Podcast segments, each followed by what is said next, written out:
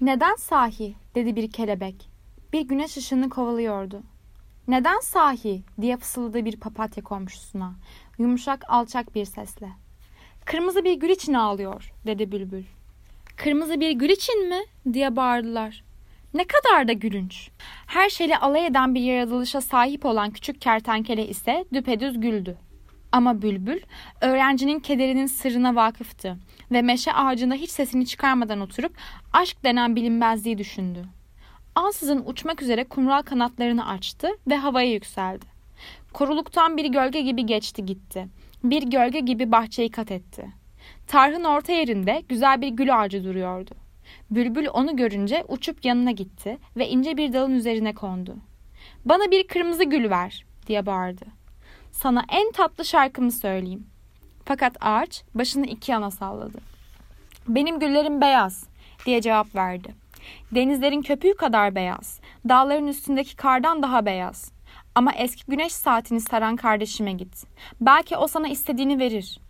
Bunun üzerine bülbül uçup eski güneş saatinin etrafını saran gül ağacının yanına gitti. Bana kırmızı bir gül ver dedi. Sana en tatlı şarkımı söyleyeyim. Ama ağaç başını iki yana salladı. Benim güllerim sarı diye cevap verdi. Kehribar tahta oturan deniz kızının saçları kadar sarı. Biçici orağıyla gelmeden önce çayırlıkta biten zerrinlerden daha sarı. Ama öğrencinin penceresinin altında biten kardeşime git. Belki o sana istediğini verir. Bunun üzerine bülbül öğrencinin penceresi altında biten gül ağacına uçup gitti. Bana bir kırmızı gül ver diye bağırdı. Sana en güzel şarkımı söyleyeyim. Ama ağaç başını salladı. Benim güllerim kırmızı diye cevap verdi.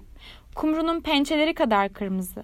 Okyanusun altındaki mağaralarda iki yana sallanıp duran büyük mercan yelpazelerinden daha kırmızı. Ama kış damarlarımı dondurdu. Kıra tomurcuklarımı kopardı. Fırtına dallarımı kırdı. Bu yıl hiç gül veremeyeceğim. Tek istediğim bir kırmızı gül diye bağırdı bülbül. Sadece bir tek kırmızı gül. Bunun hiçbir yolu yok mu? Bir yolu var diye cevap verdi ağaç. Ama o kadar korkunç ki sana söylemeye cesaret edemem. Söyle dedi bülbül. Korkmuyorum. Bir kırmızı gül istiyorsan dedi ağaç. Onu gece yarısı şarkınla yapmalısın ve kendi yüreğinin kanıyla boyamalısın. Yüreğini bir dikene dayayıp bana şarkını söylemelisin. Bütün gece bana şarkını söyleyeceksin. Diken göğsünü delecek. Sana can veren kanın benim damarlarıma akacak. Benim olacak. Ölüm bir kırmızı gül için çok yüksek bir bedel diye bağırdı bülbül. Yaşam ise herkes için değerli. Yeşil koruda oturup altından arabasında güneşin, incili arabasında ayın geçip gidişini seyretmek hoş. Ak dikenlerin kokusu tatlı. Vadide gizlenen çan çiçekleri tatlı. Tepelerde rüzgarla sarvulan fundalar ne hoş. Ama aşk hayattan daha değerlidir. Ve bir insan kalbinin yanında bir kuşun kalbi nedir ki? Sonra uçmak üzere kumral kanatlarını açtı ve havalandı. Bahçenin üzerinden bir gölge gibi geçip gitti. Korulun içinden bir gölge gibi süzüldü. Genç öğrenci hala bülbülün onu bıraktığı yerde otlara uzanmış yatıyordu ve gözyaşları henüz kurumamıştı. Mutlu ol diye bağırdı bülbül. Mutlu ol. Kırmızı gülüne kavuşacaksın. Onu geceleyin ay ışığında yapacağım ve kendi kalbimin kanıyla boyayacağım. Senden bunun karşılığında sadece aşkına sadık olmanı istiyorum. Çünkü aşk en bilge felsefeden daha bilge, en güçlü güçten daha güçlüdür. Alev rengidir kanatları, alev rengidir bedeni. Dudakları bal kadar tatlı, nefesi tütsü gibidir. Öğrenci başını otlardan kaldırıp baktı ve dinledi. Ama bülbülün ona dediklerini anlayamıyordu. Çünkü o sadece kitaplarda yazılı olan şeyleri bilirdi. Ama meşe ağacı anladı ve içini bir hüzün kapladı. Çünkü dallarında yuva kurmuş küçük bülbülü çok seviyordu. Bana son bir şarkı söyle diye fısıldadı. Sen gittiğinde kendimi çok yalnız hissedeceğim. Bunun üzerine bülbül meşe ağacına bir şarkı söyledi. Sesi gümüş bir kaptan kabarcıklar halinde yükselen su gibiydi.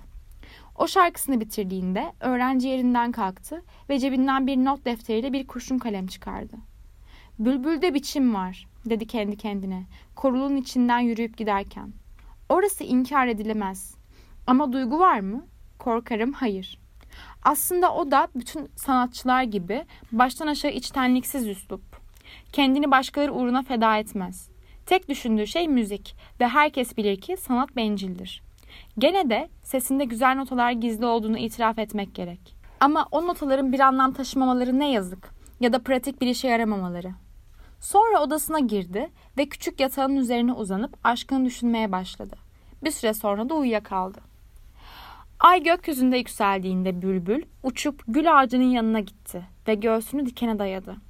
Göğsüne giren dikenle bütün bir gece şarkısını söyledi. Soğuk ve kristal ay başını eğip onu dinledi. Bütün bir gece söyledi şarkısını. Diken göğsüne daha da derine girdi. Kanı vücudundan çekildi. Önce bir oğlanla kızın yüreklerinde sevginin doğuşunun şarkısını söyledi. Ve gül ağacının en yukarıdaki ince dalında harikulade bir gül açıldı. Şarkı şarkıyı izlerken taç yaprakları da birbirini izledi. Solgun da önce gül. Nehrin üzerine asılı olan sis gibiydi. Sabahın ayakları gibi solgun, şafağın kanatları gibi gümüşsüydü. Gümüş bir aynadaki bir gülün gölgesi gibi, bir su birikintisindeki gülün gölgesi gibi, öyleydi ağacın en tepesindeki dalda açan gül. Fakat ağaç, bülbüle göğsünü dikene iyice yaslamasını söyledi. İyice yaslan küçük bülbül, diye bağırdı ağaç. Yoksa gülü bitmeden gün ağaracak. Böylece bülbül daha da yasladı göğsünü dikene. Yükseldikçe yükseldi şarkısı. Çünkü bir erkekle genç bir kızın ruhunda doğan tutkunun şarkısını söylüyordu. Gülün yapraklarını tatlı bir pembelik sardı. Gelinin dudaklarını öptüğünde damadın yüzüne yılan pembelik gibi. Ama diken henüz bülbülün yüreğini bulmamıştı. O yüzden de gülün yüreği hala beyazdı. Çünkü ancak bir bülbülün yüreğinin kanı kızıla döndürür bir gülün yüreğini ve ağaç bülbüle dikene daha da yaslanmasını söyledi. Yaslan, daha da yaslan küçük bülbül diye bağırdı ağaç. Yoksa gül bitmeden gün doğacak. Ve bülbül dikene daha da yaslandı. Diken kalbine girdi. Keskin, çok keskindi acı. Yabanıllaştıkça yabanıllaştı bülbülün şarkısı. Çünkü ölümün kusursuzlaştırdığı aşkın şarkısını söylüyordu mezara girdiğinde ölmeyen aşkın. Ve şahane gül kıpkırmızı oldu. Doğudan ağaran gökyüzünün gülü gibi. Yapraklardan tacı kızıldı. Bir yakut gibi kıpkırmızıydı yüreği. Ama bülbülün sesi söndükçe söndü. Küçük kanatları çırpınmaya başladı. Gözlerine bir perde indi. Söndükçe söndü şarkısı. Boğazına bir şeylerin tıkandığını hissetti. Sonra son bir kez yükseldi şarkısı. Beyaz ay duydu bu şarkıyı. Şafağı unuttu ve gökyüzünde oyalandı. Kırmızı gül duydu.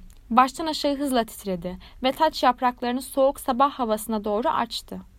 Eko bu şarkıyı tepelerdeki mor mağarasına taşıdı ve uyuyan çobanları uykularından uyandırdı. Bu şarkı nehirdeki kamışların arasında gezindi. Kamışlar onun haberini denize taşıdılar. Bakın bakın diye bağırdı ağaç. Gül bitti artık. Ama bülbül karşılık vermedi. Çünkü uzun otların arasında cansız yatıyordu. Göğsünde dikenli. Öğle vakti öğrenci penceresini açıp dışarıya baktı. Aa ne olağanüstü bir şans diye bağırdı. İşte bir kırmızı gül. Hayatımda bunun gibi bir gül görmedim. O kadar güzel ki eminim uzun bir latince adı vardır dedi ve eğilip kopardı gülü. Sonra şapkasını başına geçirdi. Elinde gülle profesörün evine de koştu. Profesörün kızı kapının önüne oturmuş bir çıkra mavi ibrişim sarıyordu. Küçük köpeği de ayaklarının dibindeydi. Sana kırmızı bir gül getirirsem benimle dans edeceğini söylemiştin diye bağırdı öğrenci. İşte sana dünyanın en kırmızı gülü. Bu gece onu kalbin üstüne takacaksın. Ve biz dans ederken o sana seni ne kadar sevdiğimi anlatacak. Ama kız kaşlarını çattı. Korkarım elbiseme uymayacak diye cevap verdi. Hem ayrıca Ma Beyinci'nin yeğeni bana gerçek mücevherler gönderdi. Herkes mücevherlerin güllerden çok daha pahalı olduğunu bilir. Ah yemin ederim çok nankörsün dedi öğrenci öfkeyle. Gül'ü kaldırıp sokağa attı. Gül kaldırımın kenarındaki su yoluna düştü. Üzerinden bir araba tekerleği geçti. Nankör mü? dedi kız. Sana bir şey diyeyim mi? Sen çok kaba birisin. Hem sonra sen kimsin ki? Yalnızca bir öğrenci. Ma Beyinci'nin yeğeninki gibi gümüş tokalı ayakkabıların var mı acaba senin? Hiç sanmam. Sandalyesinden kalkıp eve girdi. Ne saçmalık şu aşk denen şey dedi öğrenci yürüyüp giderken. Mantığın tırnağı bile olmaz. Çünkü hiçbir şeyi kanıtlamaya yaramıyor. Ve insana hep gerçekleşmeyecek şeylerden bahsediyor. Ve insanı gerçek olmayan şeylere inandırıyor. Hatta gayet işe yaramaz bir şey. Felsefeye geri döneceğim. Metafizik öğreneceğim. Bunları söyleyerek odasına döndü. Büyük tozlu bir kitap çekip çıkardı ve okumaya başladı. Vefalı dost. Bir sabah yaşlı su sıçanı kafasını deliğinden dışarı çıkardı. Parlak boncuk gibi gözleri, sert boz bıyıkları vardı. Kuyruğu da uzunca, siyah bir kauçuk parçası gibiydi. Sarı kanaryaları andıran ördek yavruları küçük gölde yüzüyor, kıpkırmızı bacaklı bembeyaz anne ördek de onlara suda nasıl amuda kalkılacağını öğretmeye çalışıyordu. Amuda kalkamazsanız hiçbir zaman yüksek sosyeteye giremezsiniz deyip duruyordu yavrularına. Ara sıra nasıl amuda kalkılacağını gösteriyordu. Ama yavru ördekler ona hiç kulak asmıyordu. O kadar miniktiler ki sosyeteye girmenin ne kadar önemli olduğunu bilmiyorlardı. Ne laf dinlemez çocuklar bunlar diye haykırdı yaşlı su sıçanı. Suda boğulmayı hak ettiler doğrusu. Hiç öyle şey olur mu? diye cevap verdi ördek. Zamanla öğrenecekler. Anne babaların çocuklarına karşı çok sabırlı davranmaları gerekir. Ya ben anne babaların duygularını hiç bilmem dedi su. Ben aile babası değilim. Hayatımda hiç evlenmedim. Evlenmeye niyetim de yok. Aşk iyi güzel de dostluk çok daha yüce bir şey. Doğrusunu isterseniz bence bu dünyada vefalı bir dost kadar soylu ve az bulunan bir şey yoktur. Yakındaki bir söğüt ağacında oturan yeşil keten kuşu konuşmaya kulak misafir olmuştu. Pekala, sizce vefalı bir dostun görevleri nelerdir? diye sordu. Evet, ben de bunu merak ediyorum, dedi ördek. Ve gölcüğün karşı tarafına kadar yüzüp yavrularına iyi örnek olmak için amuda kalktı. Ne saçma soru, diye haykırdı su saçanı. Vefalı bir dosttan bana karşı vefalı olmasını beklerim elbette. Küçük kuş incecik gümüşi bir dağda sallanıp minik kanatlarını çırparak ''Peki karşılığında siz ne yaparsınız?'' dedi. ''Ne demek istediğinizi anlayamadım.'' Diye cevap verdi suscanı. ''İsterseniz size bu konuyla ilgili bir öykü anlatayım.'' dedi keten kuşu. ''Öykü benim hakkımda mı?'' diye sordu suscanı. ''Eğer öyleyse dinlerim. Çünkü hayal ürünü öykülerden çok hoşlanırım.'' ''Size uyarlanabilir.'' diye cevap verdi keten kuşu. Sonra ağaçtan aşağı uçup gölcüğün kenarına konarak vefalı dost öyküsünü anlatmaya koyuldu. Bir zamanlar dedi keten kuşu. Hans adında dürüst bir adamcağız varmış. Seçkin bir şahsiyet miymiş diye sordu su saçanı. Hayır dedi keten kuşu. Seçkin olduğunu hiç sanmıyorum. İyi kalpliliği ve yüz yuvarlak, aydınlık, komik yüzü dışında bir özelliği yokmuş. Ufacık bir kulübede tek başına yaşar, her gün bahçesinde çalışır dururmuş. Koskoca köyde onunki kadar güzel bir bahçe daha yokmuş. Bahçesinde Hüsnü Yusuflar, karanfiller, çoban çantaları, düğün çiçekleri açarmış. Şam gülleri, sarı güller, eflatun safranlar, altın sarısı, mor ve beyaz menekşeler yetişirmiş. Haseki küpesiyle şebboy, mercan köşkle fesleğen, bataklık nergisiyle zambak, fulya ile bahçe karanfili, aylar birbirini takip ettikçe sırayla tomurcuklanıp açar, bir çiçeğin yerini yenisi alırmış. Yani her zaman bakılacak güzel bir şeyler, koklanacak hoş raihalar olurmuş bahçesinde. Küçük Hans'ın birçok dostu varmış. Ama en vefalı dostu koca değirmenci Hah'mış. Zengin değirmenci Hans'a o kadar bağlıymış ki ne zaman bahçesinin yakınından geçse duvarın üstünden uzanıp iri bir buket çiçek veya salatalık bir demet ot toplar, meyve mevsiminde ceplerini erikle kirazla doldururmuş mutlaka. Değirmenci, gerçek dostlar her şeyi paylaşmalıdır dermiş hep. Küçük Hans da başını sallayıp gülümser, büyük soylu fikirlere sahip bir dostu olduğu için çok gururlanırmış. Gerçi komşuları değirmeninde istif edilmiş yüz çuval unu, altı ineği, bol yünlü koca bir koyun sürüsü bulunan değirmencinin küçük Hans'a bahçesinden topladıklarına karşılık hiçbir şey vermemesini garip karşılarmış. Ama Hans bu meselelere asla kafa yormazmış. Değirmencinin gerçek dostların cömertliği konusunda söylediği harika sözleri dinlemek onun için hayattaki en büyük zevkmiş. Küçük Hans bahçesinde böyle uğraşır dururmuş işte. İlkbahar, yaz ve sonbahar mevsimlerinde çok mutluymuş. Ama kış gelip de pazar götürecek meyvesi veya çiçeği olmadığında soğukla, açlıkla mücadele eder, çoğu gece akşam yemeği olarak birkaç kuru armut veya sert ceviz yermiş sadece. Ayrıca kışın çok da yalnızlık çekermiş. Çünkü değirmenci kış mevsiminde ona hiç uğramazmış. Kar yağdıkça küçük hansı ziyarete gitmem saçma olur dermiş değirmenci karısına. Başı dertte olan insanı rahat bırakmak, ziyaretlerle rahatsız etmemek gerekir. En azından ben dostluktan bunu anlarım. Haklı olduğumdan da eminim. Onun için bahar gelinceye kadar bekleyeceğim. Baharda onu ziyarete giderim. O da bana iri bir sepet dolusu çuha çiçeği verir ve böylece çok mutlu olur. Çam kütüklerinin gürül gürül yandığı şöminenin karşısındaki rahat koltuğunda oturan değirmencinin karısı, başkalarına karşı çok düşüncelisin diye cevap vermiş. Müthiş düşüncelisin. Senin dostlukla ilgili konuşmalarını dinlemek ne büyük zevk. Eminim rahip bile senin kadar güzel konuşamaz. Üç katlı bir evde oturduğu ve küçük parmağına altın yüzük taktığı halde. Değirmencinin küçük oğlu, peki ama küçük Hans'ı buraya çağıramaz mıyız? demiş. Zavallı Hans'ın başı dertteyse ben ona çorbamın yarısını verir, beyaz tavşanlarımı gösteririm. Sen ne salak çocuksun diye haykırmış değirmenci. Seni okula gönderiyoruz da ne oluyor bilmem. Hiçbir şey öğrenemiyorsun. Oğlum Küçük Hans buraya gelse sıcacık şöminemizi, güzel soframızı, koca kırmızı şarap fıçımızı görse kıskanabilir. Kıskançlık feci bir şeydir. Herkesin kişiliğini bozar. Hans'ın kişiliğinin bozulmasına izin verecek değilim. Ben onun en iyi dostuyum. Onu daima kollamaya, baştan çıkarılmasını engellemeye niyetliyim. Hem Hans buraya gelirse benden veresiye un isteyebilir. Ben de böyle bir şey yapamam. Un başka, dostluk başka. İkisini karıştırmamak lazım. Zaten iki ayrı kelime. Anlamları da çok farklı. Bunu kim olsa anlar. Ne kadar güzel konuşuyorsun demiş değirmencinin karısı. Kendine koca bir bardak sıcak bira doldurarak. Gerçekten uyumak üzereyim. Tıpkı kilisedeki gibi. Birçok insan güzel davranışlarda bulunur diye cevap vermiş değirmenci. Ama pek az insan güzel konuşur. Bu da konuşmanın çok daha zor ve çok daha makbul olduğunu ispat eder. Sonra da kaşlarını çatıp masanın karşısında oturan küçük oğluna bakmış. Oğlan kendinden o kadar utanmış ki başını önüne eğmiş. Kıpkırmızı kesilmiş ve gözyaşları çayına dökülmüş. Siz yine de çok küçük olduğu için affedin onu. Öykünün sonu bu mu? diye sordu Suscan'a. Yok canım dedi keten kuşu. Bu daha başı. Öyleyse siz çağın pek gerisinde kalmışsınız dedi Suscan'a. Artık öykü anlatmayı bilen herkes öykünün sonuyla başlayıp sonra başını anlatıyor, ortasıyla bitiriyor. Yeni usul bu.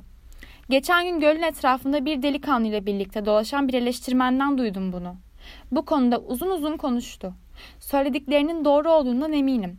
Çünkü mavi gözlüklü ve kel kafalıydı. Ayrıca delikanlı ne zaman bir şey söyleyecek olsa heh diye cevap veriyordu. Neyse siz öykünüze devam edin lütfen. Değirmenciden çok hoşlandım. Ben de böyle yüce duyguları olan biriyim. Aramızda büyük benzerlik var. Keten kuşu kah bir ayağının kah diğerinin üzerine sıçrayarak devam etti. Kış mevsimi biter bitmez çuha çiçeklerinin uçuk sarı yıldızları açmaya başladığında değirmenci küçük Hans'ı ziyarete gideceğini söylemiş karısına. Ah ne kadar iyi kalplisin diye haykırmış karısı. Hep başkalarını düşünüyorsun. Çiçekler için büyük sepeti yanına almayı unutma.'' Değirmenci değirmenin kanatlarını demirden sağlam bir zincirle bağlayıp koluna sepeti takmış ve yamaçtan aşağı inmiş. Günaydın küçük Hans demiş değirmenci. Günaydın demiş Hans küreğine yaslanarak ağzı kulaklarında. Kışı nasıl geçirdin bakalım diye sormuş değirmenci. Beni düşünmem büyük incelik. Çok büyük incelik gerçekten demiş Hans heyecanla. Doğrusu epey zor geçirdim kışı. Ama artık bahar geldi. Mutluyum. Çiçeklerim de iyi durumda. Kış boyunca senden sık sık söz ettik Hans demiş değirmenci. Ne alemdesin diye merak ettik. Çok iyi kalplisin demiş Hans. Ben de acaba beni unuttun mu diye korkuyordum birazcık. Hans böyle konuşmana şaşırdım demiş değirmenci. Dostlar asla unutmaz. Dostluğun en güzel tarafı da budur. Ama korkarım sen hayatın şiirselliğini anlamıyorsun. Laf aramızda çuha çiçeklerim pek de güzelmiş. Evet gerçekten çok güzeller demiş Hans. Bu kadar bol oldukları için de şanslı sayılırım. Onları pazara götürüp belediye başkanının kızına satacağım. O parayla da el arabamı geri alacağım. El arabanı geri mi alacaksın? Yani satmış mıydın?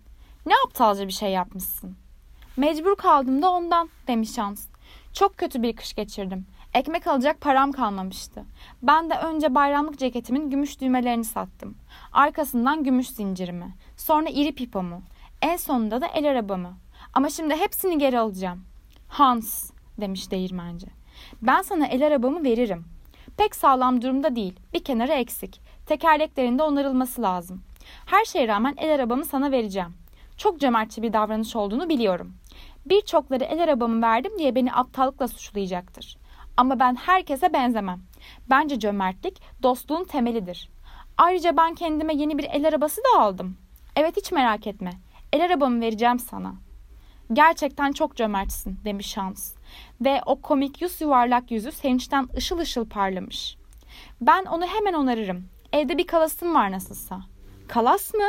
demiş değirmenci. Benim de ahırın damını onarmak için bir kalasa ihtiyacım var. Damda koskocaman bir delik var. Kapamazsam mısırlar sırılsıklam olacak. İyi ki söyledin. İyilik yap, iyilik bul demişler. Ben sana el arabamı verdim, sen de bana kalasını vereceksin.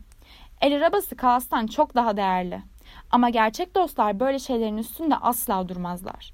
Hadi hemen getiriver şu kalası da ahırı onarmaya bugün başlayayım.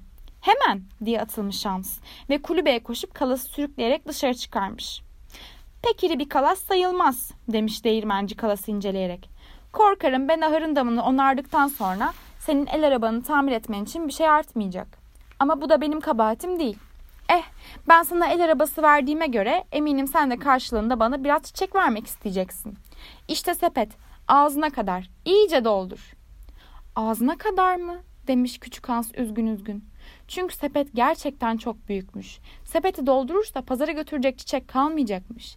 Gümüş düğmelerini geri almak için de çok sabırsızlanıyormuş. Doğrusu demiş değirmenci. Ben sana el arabamı vermişken birkaç çiçeğin lafı olmaz diye düşünüyorum. Yanılıyor olabilirim. Ama bence dostluk, gerçek dostluk bencillikten tamamen arınmış olmalıdır. Sevgili dostum, can dostum diye haykırmış küçük Hans. Bahçemdeki bütün çiçekler sana feda olsun. Seni memnun etmek benim için gümüş düğmeden çok daha önemli. Hemen koşup güzel çuha çiçeklerinin hepsini koparmış ve değirmencinin sepetine doldurmuş. Değirmenci, hoşça kal küçük Hans deyip omzunda kalası, kolunda iri sepetiyle yamacı tırmanmaya başlamış. Küçük Hans güle güle diyerek neşe içinde toprağı kazmaya koyulmuş. El arabasına çok seviniyormuş çünkü. Ertesi gün hanım elleri verandaya çivilerken yoldan kendisine seslenen değirmencinin sesini duymuş. Hemen merdivenden aşağı inip bahçeye koşarak geçmiş ve duvarın üzerinden bakmış. Değirmenci sırtında iri bir un çuvalıyla duruyormuş. Sevgili Hans'cım demiş değirmenci. Şu un çuvalını pazara taşıyıverir misin? Ah kusura bakma demiş Hans. Ama bugün gerçekten çok işim var. Bütün sarmaşıklar çivilenecek. Çiçekler sulanacak. Çimler biçilecek. Doğrusu demiş değirmenci. Benim sana el arabamı vereceğimi düşünürsen reddetmem pek dostluğa sığmıyor. Lütfen öyle deme diye haykırmış küçük Hans. Dostluğa sığmayacak bir şey yapmayı hiç istemem. Hemen içeri koşup kasketini almış ve iri çuvalı sırtına yükleyip zar zor yürümeye koyulmuş. O gün hava çok sıcakmış. Yolda toz toprak içindeymiş. Hans daha 10. kilometre taşına gelmeden o kadar yorulmuş ki oturup dinlenmek zorunda kalmış. Ama gücünü toplayıp yola devam etmiş ve sonunda pazara varmış.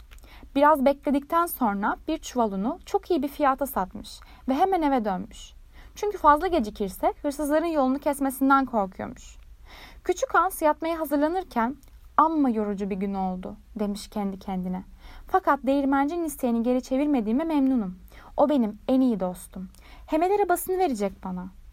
Ertesi sabah değirmenci erkenden bir çuvalının parasını almaya gelmiş. Ama küçük Hans o kadar yorgunmuş ki hala yatıyormuş. Bu ne tembellik demiş değirmenci. El arabamı sana vereceğimi düşünürsen daha fazla çalışman gerekir bence. Aylaklık büyük günahtır. Ben dostlarımın aylak olmasından, uyuşuk olmasından hiç hoşlanmam. Seninle açık açık konuştuğum için kusura bakma. Dost olmasaydık katiyen böyle konuşmazdım elbette. Ama düşündüğünü aynen söylemedikten sonra dostluğun ne anlamı kalır? Hoş, sözleri herkes söyler. Herkes pohpohlar, iltifat eder. Ama gerçek dost daima acı konuşur ve dostunu üzmekten korkmaz. Hatta gerçek dost dostunu üzmeyi tercih eder. Çünkü ona iyilik ettiğini bilir.'' Çok özür dilerim demiş küçük Hans gözlerini ovuşturup gecelik takkesini çıkararak. Ama o kadar yorgundum ki yattığım yerden kuşların ötüşünü dinlemek istedim biraz. Kuş seslerini dinleyince daha iyi çalışıyorum biliyor musun? Buna sevindim işte demiş değirmenci. Küçük Hans'ın sırtına vurarak. Çünkü giyinir giyinmez değirmene gelip benim ahırın çatısını onarmanı istiyorum. Zavallı Hansçık çiçekleri iki gündür sulanmadığından kendi bahçesinde çalışmak için sabırsızlanıyormuş. Ama çok iyi bir dost olan değirmencinin isteğini geri çevirmek de istemiyormuş. Çekingen, ürkek bir sesle sormuş. Çok işim olduğunu söylesem sence bencillik mi olur? Doğrusunu istersen diye cevap vermiş değirmenci. Sana el arabamı vereceğime göre fazla bir şey istemiş sayılmam. Ama hayır dersen gidip kendim yaparım tabii. Yo olmaz katiyen demiş küçük Hans ve yataktan fırladığı gibi giyinip ahıra yollanmış. Orada bütün gün güneş batıncaya kadar çalışmış. Gün batımında değirmenci ne durumda olduğuna bakmak üzere gelmiş. Damdaki deliği aktardın mı küçük Hans? diye sormuş neşeyle. Evet aktardım demiş küçük Hans ve merdivenden inmiş. Ah demiş değirmenci. Başkası için bir iş yapmaktan güzel bir şey var mıdır? Senin konuşmanı dinlemek en büyük zevk demiş küçük Hans oturup alnının terini silerek. Korkarım ben hiçbir zaman senin kadar güzel fikirler düşünemeyeceğim. Düşünürsün, düşünürsün demiş değirmenci. Ama daha uğraşman lazım. Şu anda dostluğun sadece pratiğini biliyorsun. İleride teorisini de öğrenirsin. Gerçekten öğrenir miyim sence? diye sormuş küçük Hans. Eminim öğreneceksin diye cevap vermiş değirmenci. Ama artık damı aktardığına göre eve gidip dinlensen iyi olur. Çünkü yarın koyunlarımı dağda otlatmanı istiyorum. Zavallı Hansçık bir şey söylemeye korkmuş. Ertesi sabah değirmenci erkenden koyunlarını kulübeye getirmiş. Hans da koyunları alıp dağa çıkmış. Gidip dönmesi bütün gününü almış. Eve o kadar yorgun dönmüş ki iskemlesinde uyuyakalmış ve gün ışıdıktan sonra ancak uyanmış. Bahçemde ne güzel çalışacağım demiş ve hemen işe koyulmuş. Ama çiçekleriyle bir türlü ilgilenemiyormuş. Çünkü dostu değirmenci sürekli gelip onu uzak yerlere gönderiyor veya değirmende işe koşuyormuş. Küçük Hans çiçekleri unutulduklarını zannedecekler diye kahroluyormuş bazen. Ama değirmencinin can dostu olduğunu düşünüp teselli buluyormuş. Ayrıca diyormuş kendi kendine el arabasını da verecek bana. Ne kadar cömertçe bir davranış. İşte küçük Hans bu şekilde değirmenci için çalışıp duruyor. Değirmenci de dostluğa ilişkin güzel sözler söylüyormuş peş peşe. Hans bunları bir deftere yazıp geceleri okuyormuş. İyi bir öğrenciymiş çünkü. Bir akşam vakti küçük Hans ocağının başında otururken kapı hızlı hızlı vurulmuş. Dışarıda fırtına varmış. Rüzgar evin etrafında öyle bir gürleyip esiyormuş ki Hansçık önce sesi fırtına yayıyormuş. Ama sonra kapı ikinci defa, sonra üçüncü defa iyice hızlı vurulmuş. Zavallı bir yolcu olsa gerek diye düşünmüş küçük Hans ve kapıya koşmuş. Kapıyı açınca bir elinde fener, öbür elinde iri bir sopayla değirmenciyi bulmuş karşısında. Sevgili Hans'cığım diye haykırmış değirmenci. Başıma geleni sorma. Benim küçük oğlan merdivenden düşüp yaralandı. Doktoru çağırmaya gidiyorum.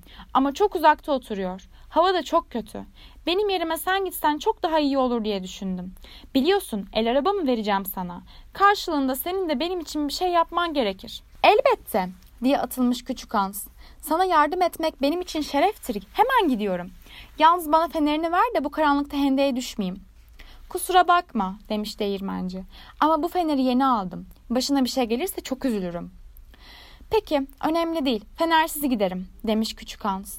Hemen kalın kürk ceketini, kırmızı yün beresini kuşanıp boynuna bir atkı dolamış ve yola düzülmüş. Dışarıda müthiş bir fırtına varmış. Etraf zifiri karanlık olduğundan Hansçık önünü göremiyor, rüzgarın şiddetinden ayakta zor duruyormuş. Her şeye rağmen metanetini kaybetmemiş ve 3 saat kadar yürüdükten sonra doktorun evine varıp kapısını çalmış. Doktor yatak odasının penceresinden kafasını çıkarıp kim o diye seslenmiş. Doktor ben küçük Hans. Ne var küçük Hans? Değirmencinin oğlu merdivenden düşüp yaralanmış. Değirmenci hemen gelmenizi rica ediyor. Tamam demiş doktor. Atını hazırlatmış. Aşağı inip iri çizmeleriyle fenerini almış ve değirmencinin evine doğru sürmüş atı. Küçük Hans da peşinden düşe kalka yürüyormuş. Ama fırtına gittikçe şiddetleniyor, yağmur sel gibi boşanıyor, Hans şık ne önünü görebiliyor ne de ata yetişebiliyormuş. Sonunda yolunu kaybedip bataklığa dalmış. Burası çok derin çukurlarla kaplı, tehlikeli bir araziymiş. Zavallı Hansçık orada boğulmuş. Ölüsünü ertesi gün keçi çobanları bulmuş. Büyük bir su birikintisinde yüzüyormuş. Alıp kulübeye getirmişler. Küçük Hans'ı herkes çok sevdiği için cenazesine herkes gitmiş. Değirmenci cenaze alayının başındaymış. Ben onun en iyi dostu olduğuma göre diyormuş değirmenci. En önde benim bulunmam gerekir. Uzun siyah peleriniyle cenaze alayının başını çekiyor, ara sıra iri bir mendile gözlerini siliyormuş. Cenaze töreni bittikten sonra herkes handa rahatça oturmuş. Baharatlı şarap içip pasta yerken Nalbant, küçük Hans'ın ölümü hepimiz için büyük kayıp demiş. En azından benim için öyle diye cevap vermiş değirmenci. Tam ona el arabamı vermek üzereydim. Şimdi elimde kaldı. Ne yapacağımı bilemiyorum. Evde çok ayak altında. Öyle de kırık dökük bir halde ki satsam para etmez. Bir daha hiçbir eşyamı hibe etmem. İnsan ne zaman bir cömertlik yapsa başına dert açılıyor. E sonra dedi su sıçanı uzun bir sessizliğin ardından. Sonrası yok bu kadar dedi keten kuşu. Su sıçanı sordu. Peki değirmenciye ne olmuş? Bilmem ki diye cevap verdi keten kuşu. Umurumda da değil zaten. Belli ki pek şefkatli bir mizacınız yok dedi su sıçanı. Korkarım siz öykünün ana fikrini anlayamadınız dedi keten kuşu. Neyini neyini diye bağırdı suscanı. Ana fikrini. Yani öykünün bir ana fikri mi var? E, gayet tabii dedi keten kuşu. Pes doğrusu dedi suscanı gayet öfkeli bir tavırla. Anlatmadan önce söyleseydiniz ya. Söyleseydiniz hayatta dinlemezdim öykünüzü. Hatta o eleştirmen gibi ha derdim size. Mamafi şimdi de diyebilirim. Heh diye bağırıp kuyruğunu şöyle bir savurdu ve deriğine geri döndü. Birkaç dakika sonra suda ayaklarını çırpa çırpa gelen ördek sordu. Su sıçanı nasıl buldunuz? Birçok meziyeti var ama ben şahsen bir anneyim. Ne zaman bir müzmin bekar görsem gözlerim dolar mutlaka. Korkarım onu kızdırdım diye cevap verdi keten kuşu. Ona ana fikri olan bir öykü anlattım. İşte bu daima son derece tehlikelidir dedi ördek. Ben de aynı fikirdeyim doğrusu.